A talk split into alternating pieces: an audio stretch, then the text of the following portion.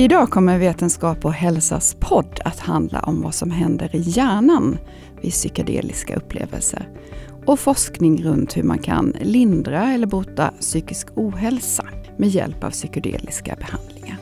Jag heter Jenny Loftrup och med mig i studion här på Universitetssjukhuset i Lund så har jag Per Halje, forskare i integrativ neurofysiologi vid Lunds universitet. Välkommen hit! Tack så mycket! Fysiologi, det står väl för kroppen och neuro för hjärnan, men vad betyder det att det är integrativt? Det kan betyda många olika saker, men för oss betyder det att vi försöker integrera mätningar på olika nivåer i hjärnan kan man säga. Annars så fokuserar man kanske bara på en enskild cell, vilken aktivitet den har, eller så fokuserar man på, på system av nervceller.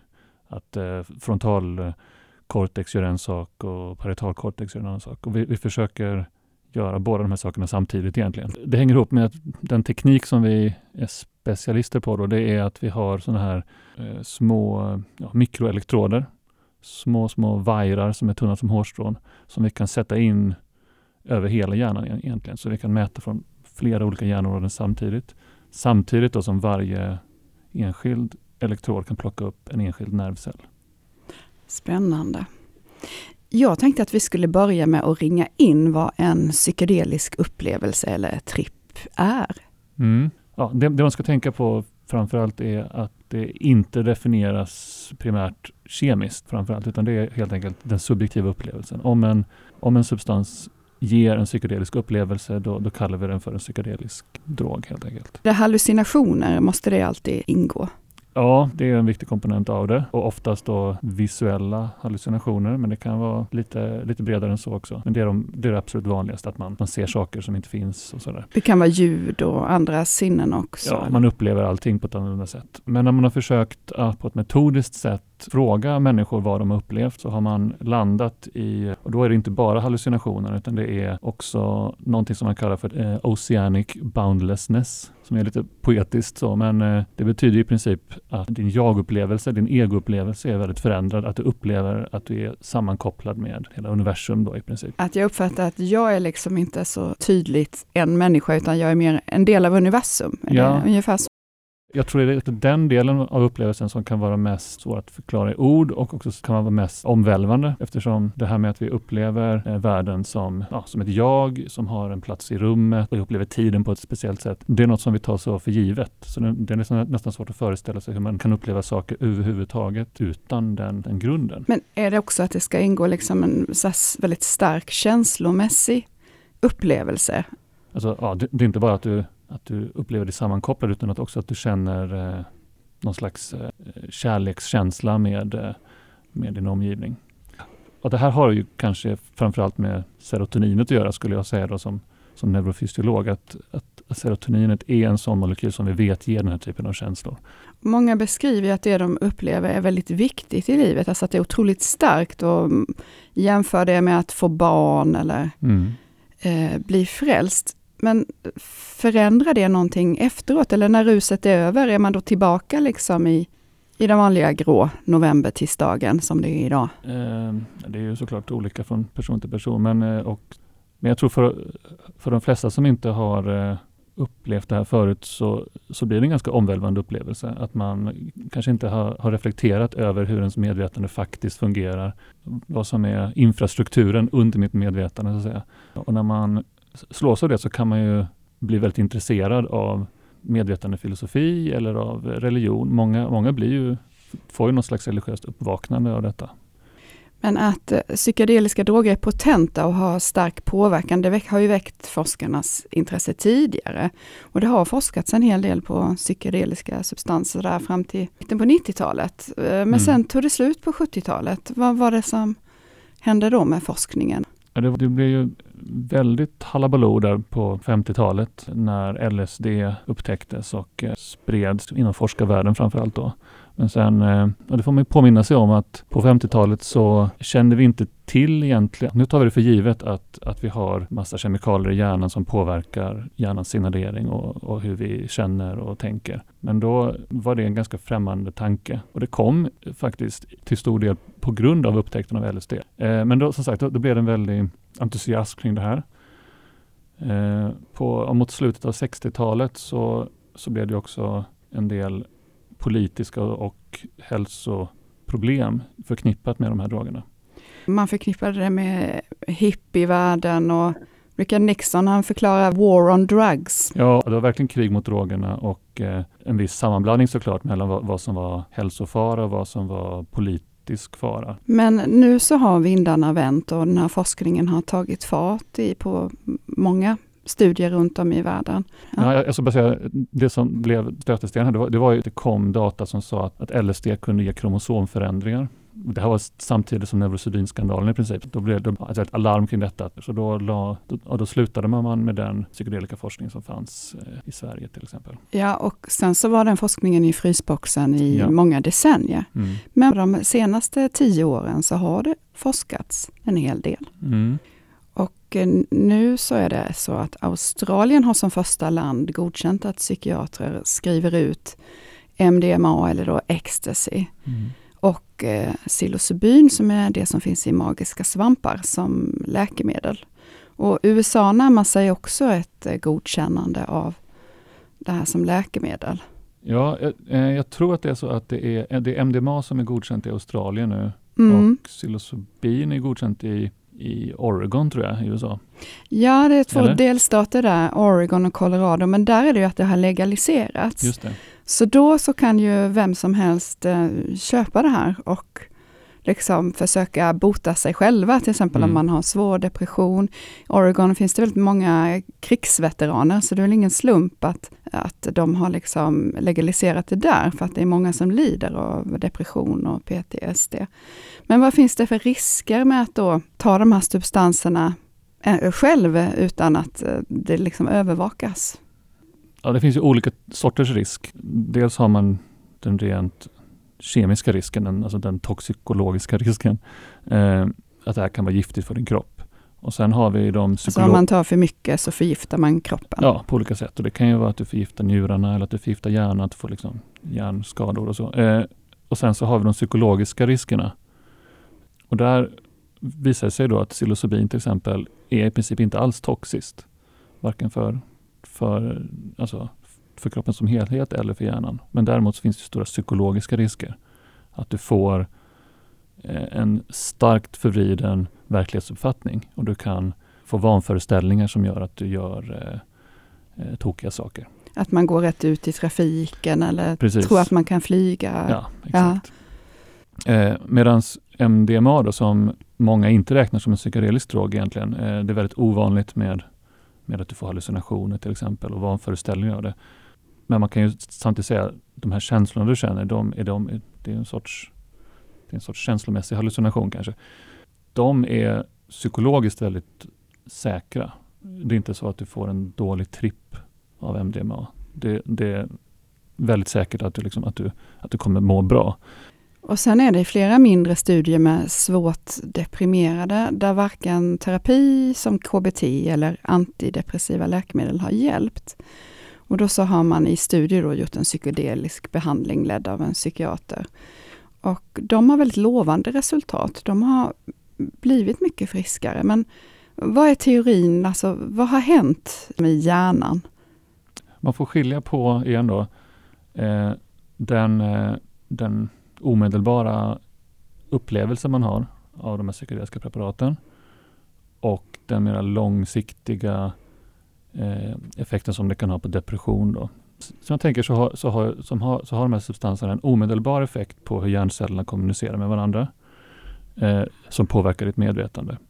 Men det, det i sig behöver inte ha någonting med själva eh, depressionen eller den antidepressiva effekten att göra, utan där, där har man ju sett att den antidepressiva effekten hänger ihop med, med liksom fysiska förändringar i hur nervcellerna är kopplade. Man har sett att det ändrar i synapser, du, du får flera dendriter på, på nervcellen, alltså grenar på, på nervcellen, flera kopplingar.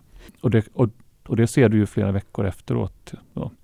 Men om jag är djupt deprimerad, mm. kan man säga då att det är som att hjärnan har liksom kört fast i olika spår av negativa tankar. Man kan, man kan inte tänka nytt det blir väldigt alltså färre nya synapser och ny, dåligt med kommunikation mellan nervcellerna. Mm. Är det då som att de här ritar om de här spåren i hjärnan och ritar nya och fler vägar, alltså fler ja, det, tankar, det, kanske positiva det tankar. Det är, en, det, är en, det är en förklaring som man ofta hör. Sen är det såklart väldigt förenkling. För, alltså, det, är lite, det är lite samma sak som att säga att ja, depression beror på för lite serotonin.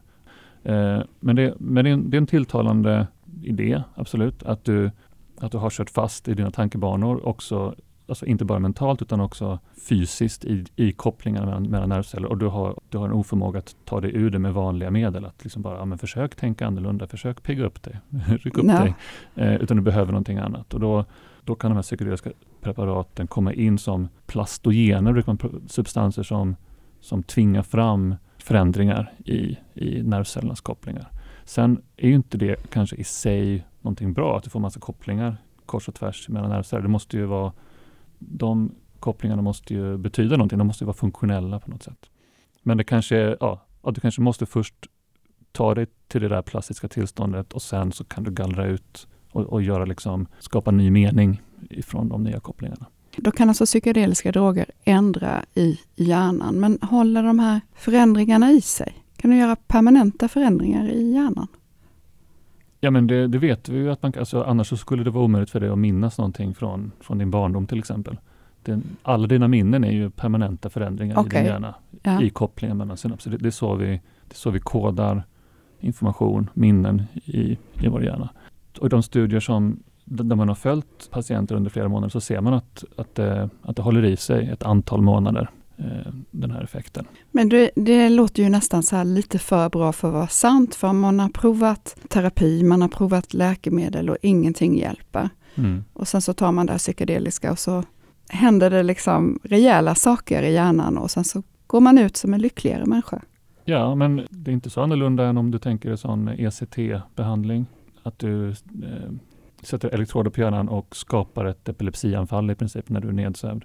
Det vet Mm. man ju också hjälper väldigt effektivt mot, mot grå depression under ganska lång tid. Men det är en spännande fråga det här, med, för man har ju sett, man har sett att placeboeffekten är en väldigt stor del av all antidepressiv behandling egentligen. Såväl SSRI som de här psykedeliska preparaten.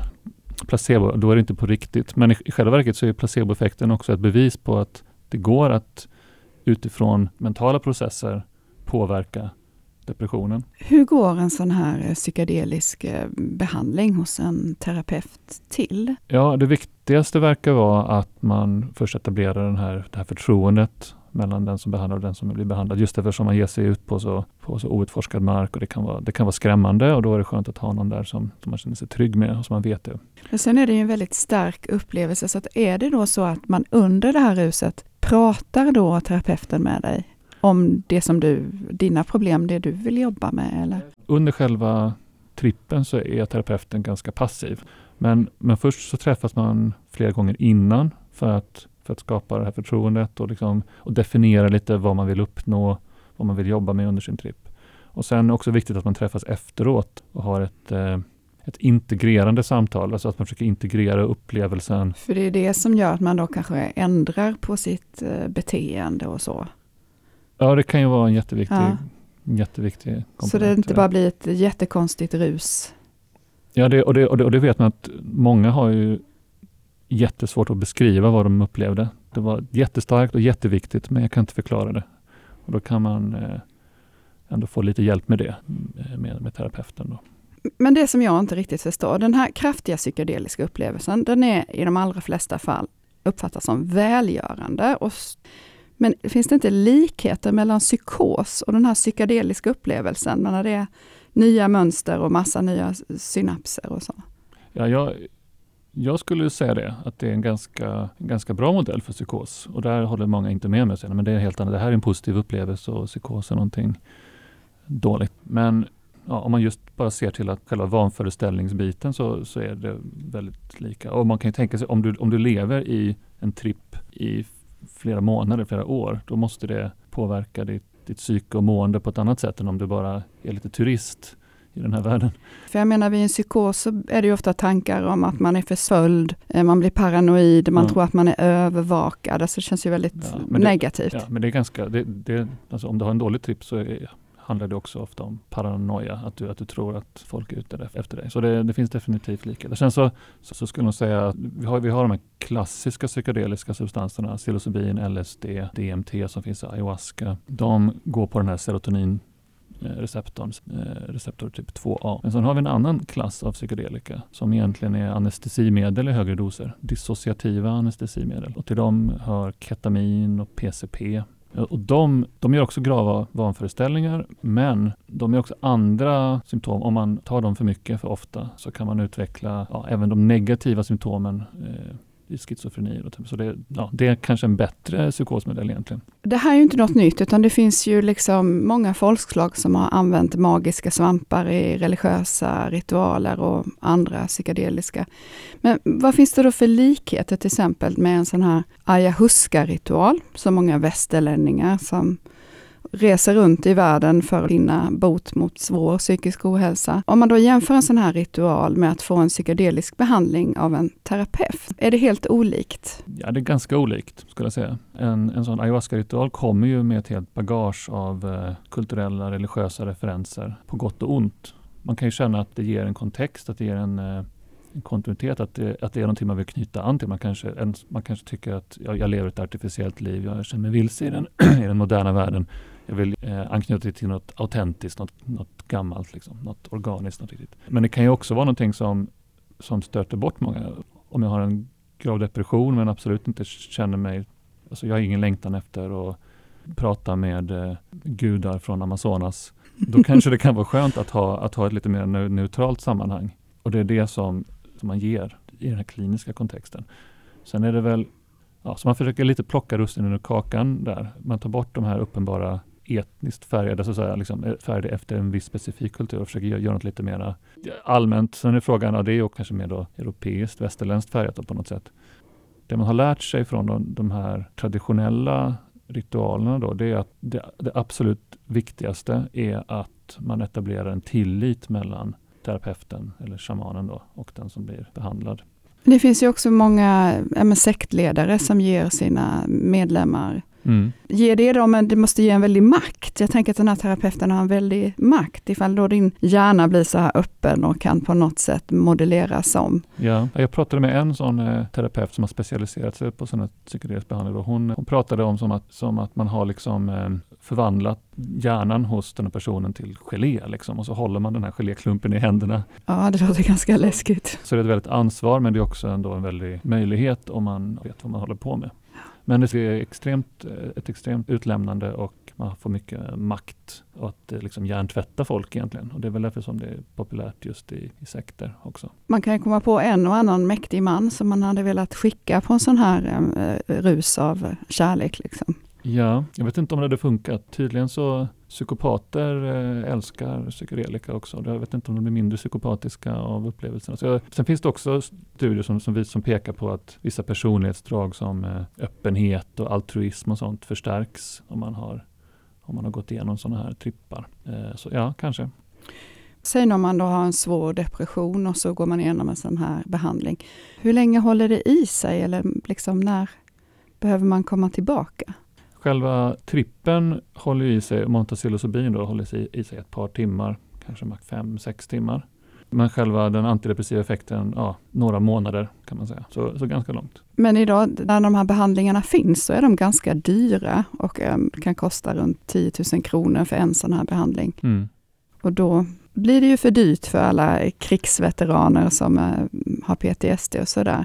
Ja, precis. Än så länge är det ju om man säger så här, eh, om vi utgår nu från att de här fas 3-studierna som pågår nu, om de ger positiva resultat, kommer psilocybin som behandling bli godkänt inom ett par år, ett par tre år kanske, skulle jag säga. Men fortfarande är det här hindret kvar. Vad, vad, kommer det kosta? Är det, är det något vi kan erbjuda inom den vanliga sjukvården? Ett sätt att få ner kostnaden är ju att göra det i grupper på något sätt, då som man gör traditionellt ofta. Med de här ritualerna och så? Ja, det är ja. många. många liksom. Men eh, det är kanske inte så lätt. Jag, vet inte, jag tänker hur, hur går det ihop med, med integritet och, och så? Man, man ska sitta där och inte, vända ut och in på sig själv. Ja, det är spännande frågor. Mm. Du är väldigt intresserad av medvetandet och hur det liksom förändras i olika stadier. Vad är det som fascinerar dig? Ja, jag är egentligen inte inne och forskar på det här med, med de terapeutiska psykedelika utan jag, jag ser ju snarare psykedelika som ett väldigt användbart verktyg för att studera medvetandet. Just eftersom det ger oss möjlighet att, att studera medvetandet i djur. För det här är ett problem annars när vi ska försöka förstå hur medvetandet byggs upp av nervcellerna i vår hjärna. Vi vet att det, att det, att det händer, liksom, för vi, har, vi är medvetna själva, men de enda verktyg vi har för att mäta hjärnaktivitet hos människor, det är ju som magnetröntgen och EEG, ja, där vi mäter på väldigt långt avstånd från hjärncellerna själva så vi kan plocka upp ganska grovt var någonting händer och när någonting händer. Men vi, vi kan inte förstå egentligen processen. Vi kan inte läsa den här koden som hjärnan använder för att, liksom, för att behandla information på det här sättet som gör oss medvetna. Men det kan vi göra i djur. Då, för där kan vi sätta in de här elektroderna vad vi vill och givet då att hjärncellerna ser ungefär likadana ut, de har ungefär samma receptorer, de reagerar på ungefär samma sätt när vi ger dem psykedelika så kan vi ändå säga något generellt om hur nätverken påverkas. Och du du har ju genomfört en studie på råttors hjärnor och försatt dem i ett eh, ketaminrus och sen då med hjälp av de här elektroderna i hjärnan följt aktiviteten. Mm. Och vad, vad såg du då? Ja, gav dem flera olika droger.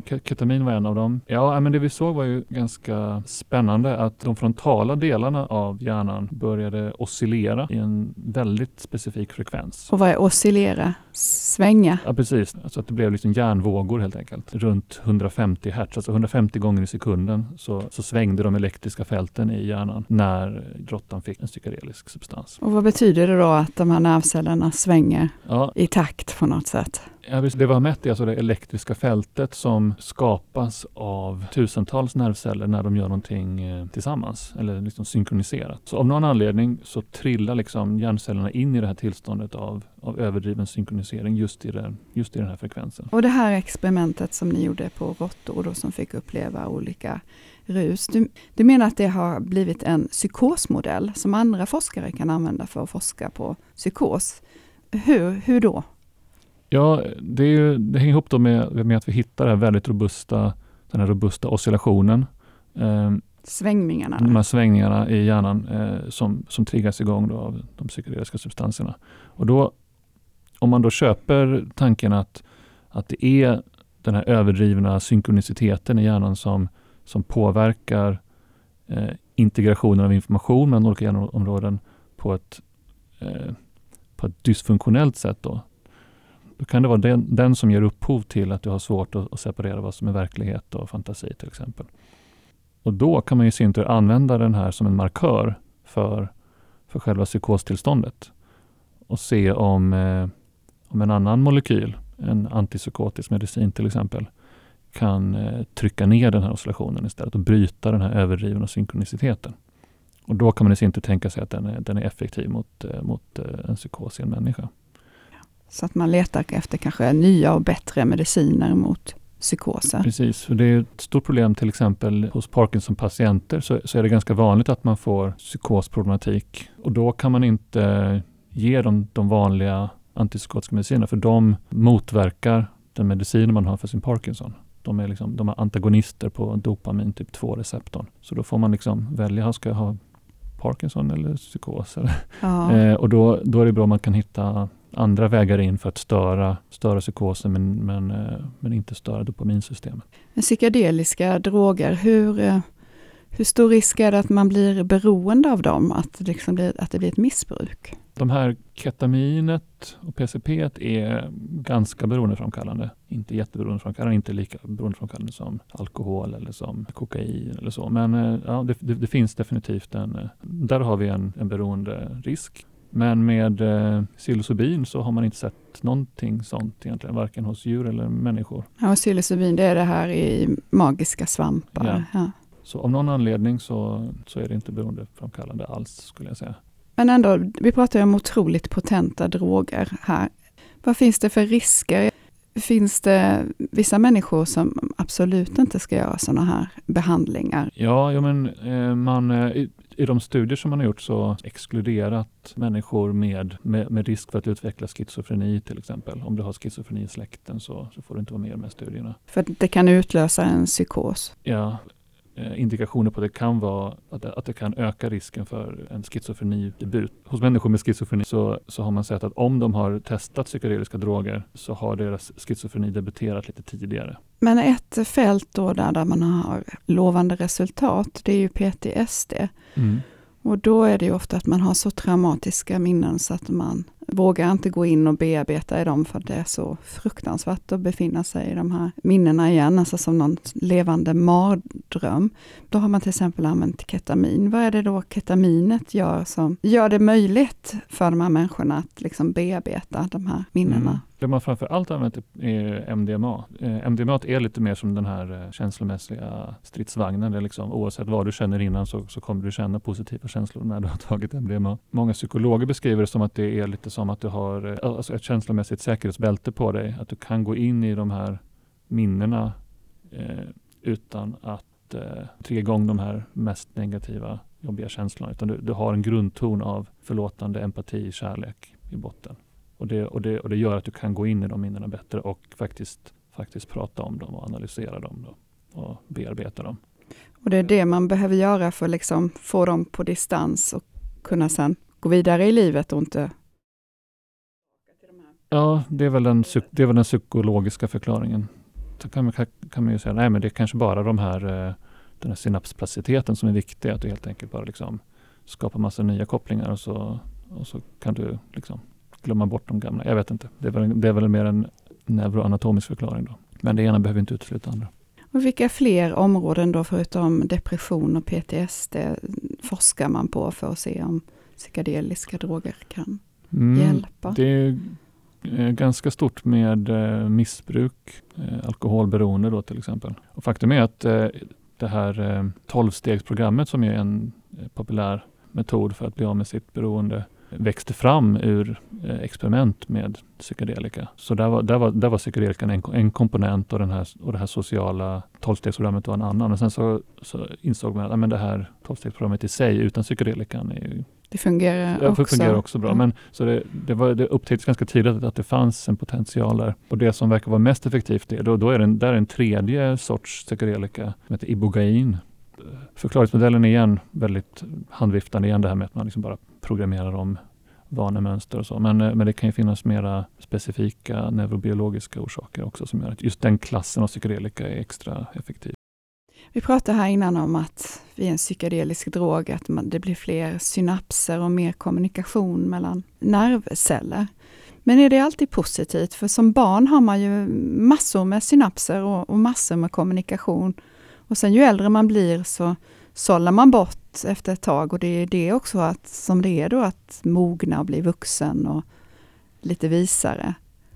Ja, ja, precis. Fler synapser är verkligen inte bättre. Precis som du säger så, så föds vi med fler synapser än vad vi har när vi, när vi är så kloka som, som vi är. Och det, det finns ju alltid balanserande mekanismer i nervsystemet. Om du skapar fler synapser på ett ställe så måste du ta bort det någon, någon annanstans. Man tänker sig att man först skapar massa nya synapser men att man sen efterhand så gallrar man bort också.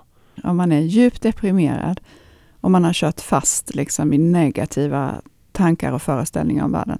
Så man har massa nya synapser. Kan man då liksom gallra bort det här negativa som håller dig nere? Ja, det, det är väl en vettig, vettig förklaringsmodell. Att i, I din depression så finns det ju ett element av att du, du ältar du ältar de här negativa eh, mönstren hela tiden. Så att hjärnan blir förändringsbenägen helt enkelt? Ja. Och de här vanföreställningarna kan ju känna ett syfte i att skapa nya associationer, liksom nästan lite slumpmässigt. Men, men sen behöver du ju livet och verkligheten för att, eh, för att sålla, sålla ut det som, som faktiskt eh, hjälper dig i längden. En sista fråga här innan det är dags att avrunda. Eh, hur viktigt tror du psykedeliska substanser kommer vara i framtiden i, i vården när det gäller psykisk ohälsa? Mm, ja, det är precis, det är nog en ekonomisk fråga mest tror jag. Ser du stora möjligheter? Ja, är jag, det liksom så bra som det låter? Ja, men jag, jag skulle gärna se att det används mycket mer och det är lite förvånad över att inte ketamin används mer. Det har ju kommit flera studier nu som visar att det, det, är, det är väldigt effektivt. Mot depression? Mot depression, nästan, nästan lika effektivt som ECT. Då. Och då kan man ju säga att ECT kan ju också ge biverkningar på, med minnesproblem. Precis, och jag kan tänka mig att en del patienter som, som tycker det är läskigt att ta ketamin och det finns en del patienter som tycker det är läskigt att, att gå igenom en ECT-behandling. Då kan det väl vara värt att ge patienten en möjlighet att välja där. Och ketamin kan ju i princip en svensk läkare redan idag ge som behandling mot depression. Men det, det görs nog inte så mycket. Där är det snarare kanske en kompetensfråga. Att, att många psykiatriker känner sig inte bekväma med att ge den behandlingen själva och det finns ingen att remittera dem till heller. Men du tror att det kommer vara viktigt, ett viktigt redskap i, i vården längre fram? Ja, det tror jag. Det, det, många, det finns ju jättemånga patienter som inte hjälps av de behandlingar vi har nu. Sen tycker jag då att psilocybin tänker jag är en, är en eh, bättre substans att ge än ketamin egentligen. Varför det? det? Handlar det om biverkningar eller? Precis, och framförallt så att det, att det finns en beroenderisk och att det också är toxiskt. Till exempel så vet om du tar för mycket ketamin för många gånger så får du som små lesioner i hjärnan eh, som man kan se i mikroskop. Liksom. Så direkta vävnadsskador och det är, det är inte så kul. Ja, det har varit jättespännande att ha dig här. Per Halje, forskare i integrativ neurofysiologi vid Lunds universitet. Och idag så har Vetenskap och hälsas podd handlat om den nymornade forskningen kring hur psykedeliska substanser kan möblera om i hjärnan. Om du vill höra fler poddar eller läsa artiklar om forskning och kroppen så gå in på Vetenskap och hälsas sajt vetenskaphalsa.se så finns det massor att välja på. Jag heter Jenny Loftrup och Patrik Jävert har skött ljudet idag. Och så tack till dig Per. Mm, Jättetack för att du kom hit. Ja, tack så mycket för att du fick komma.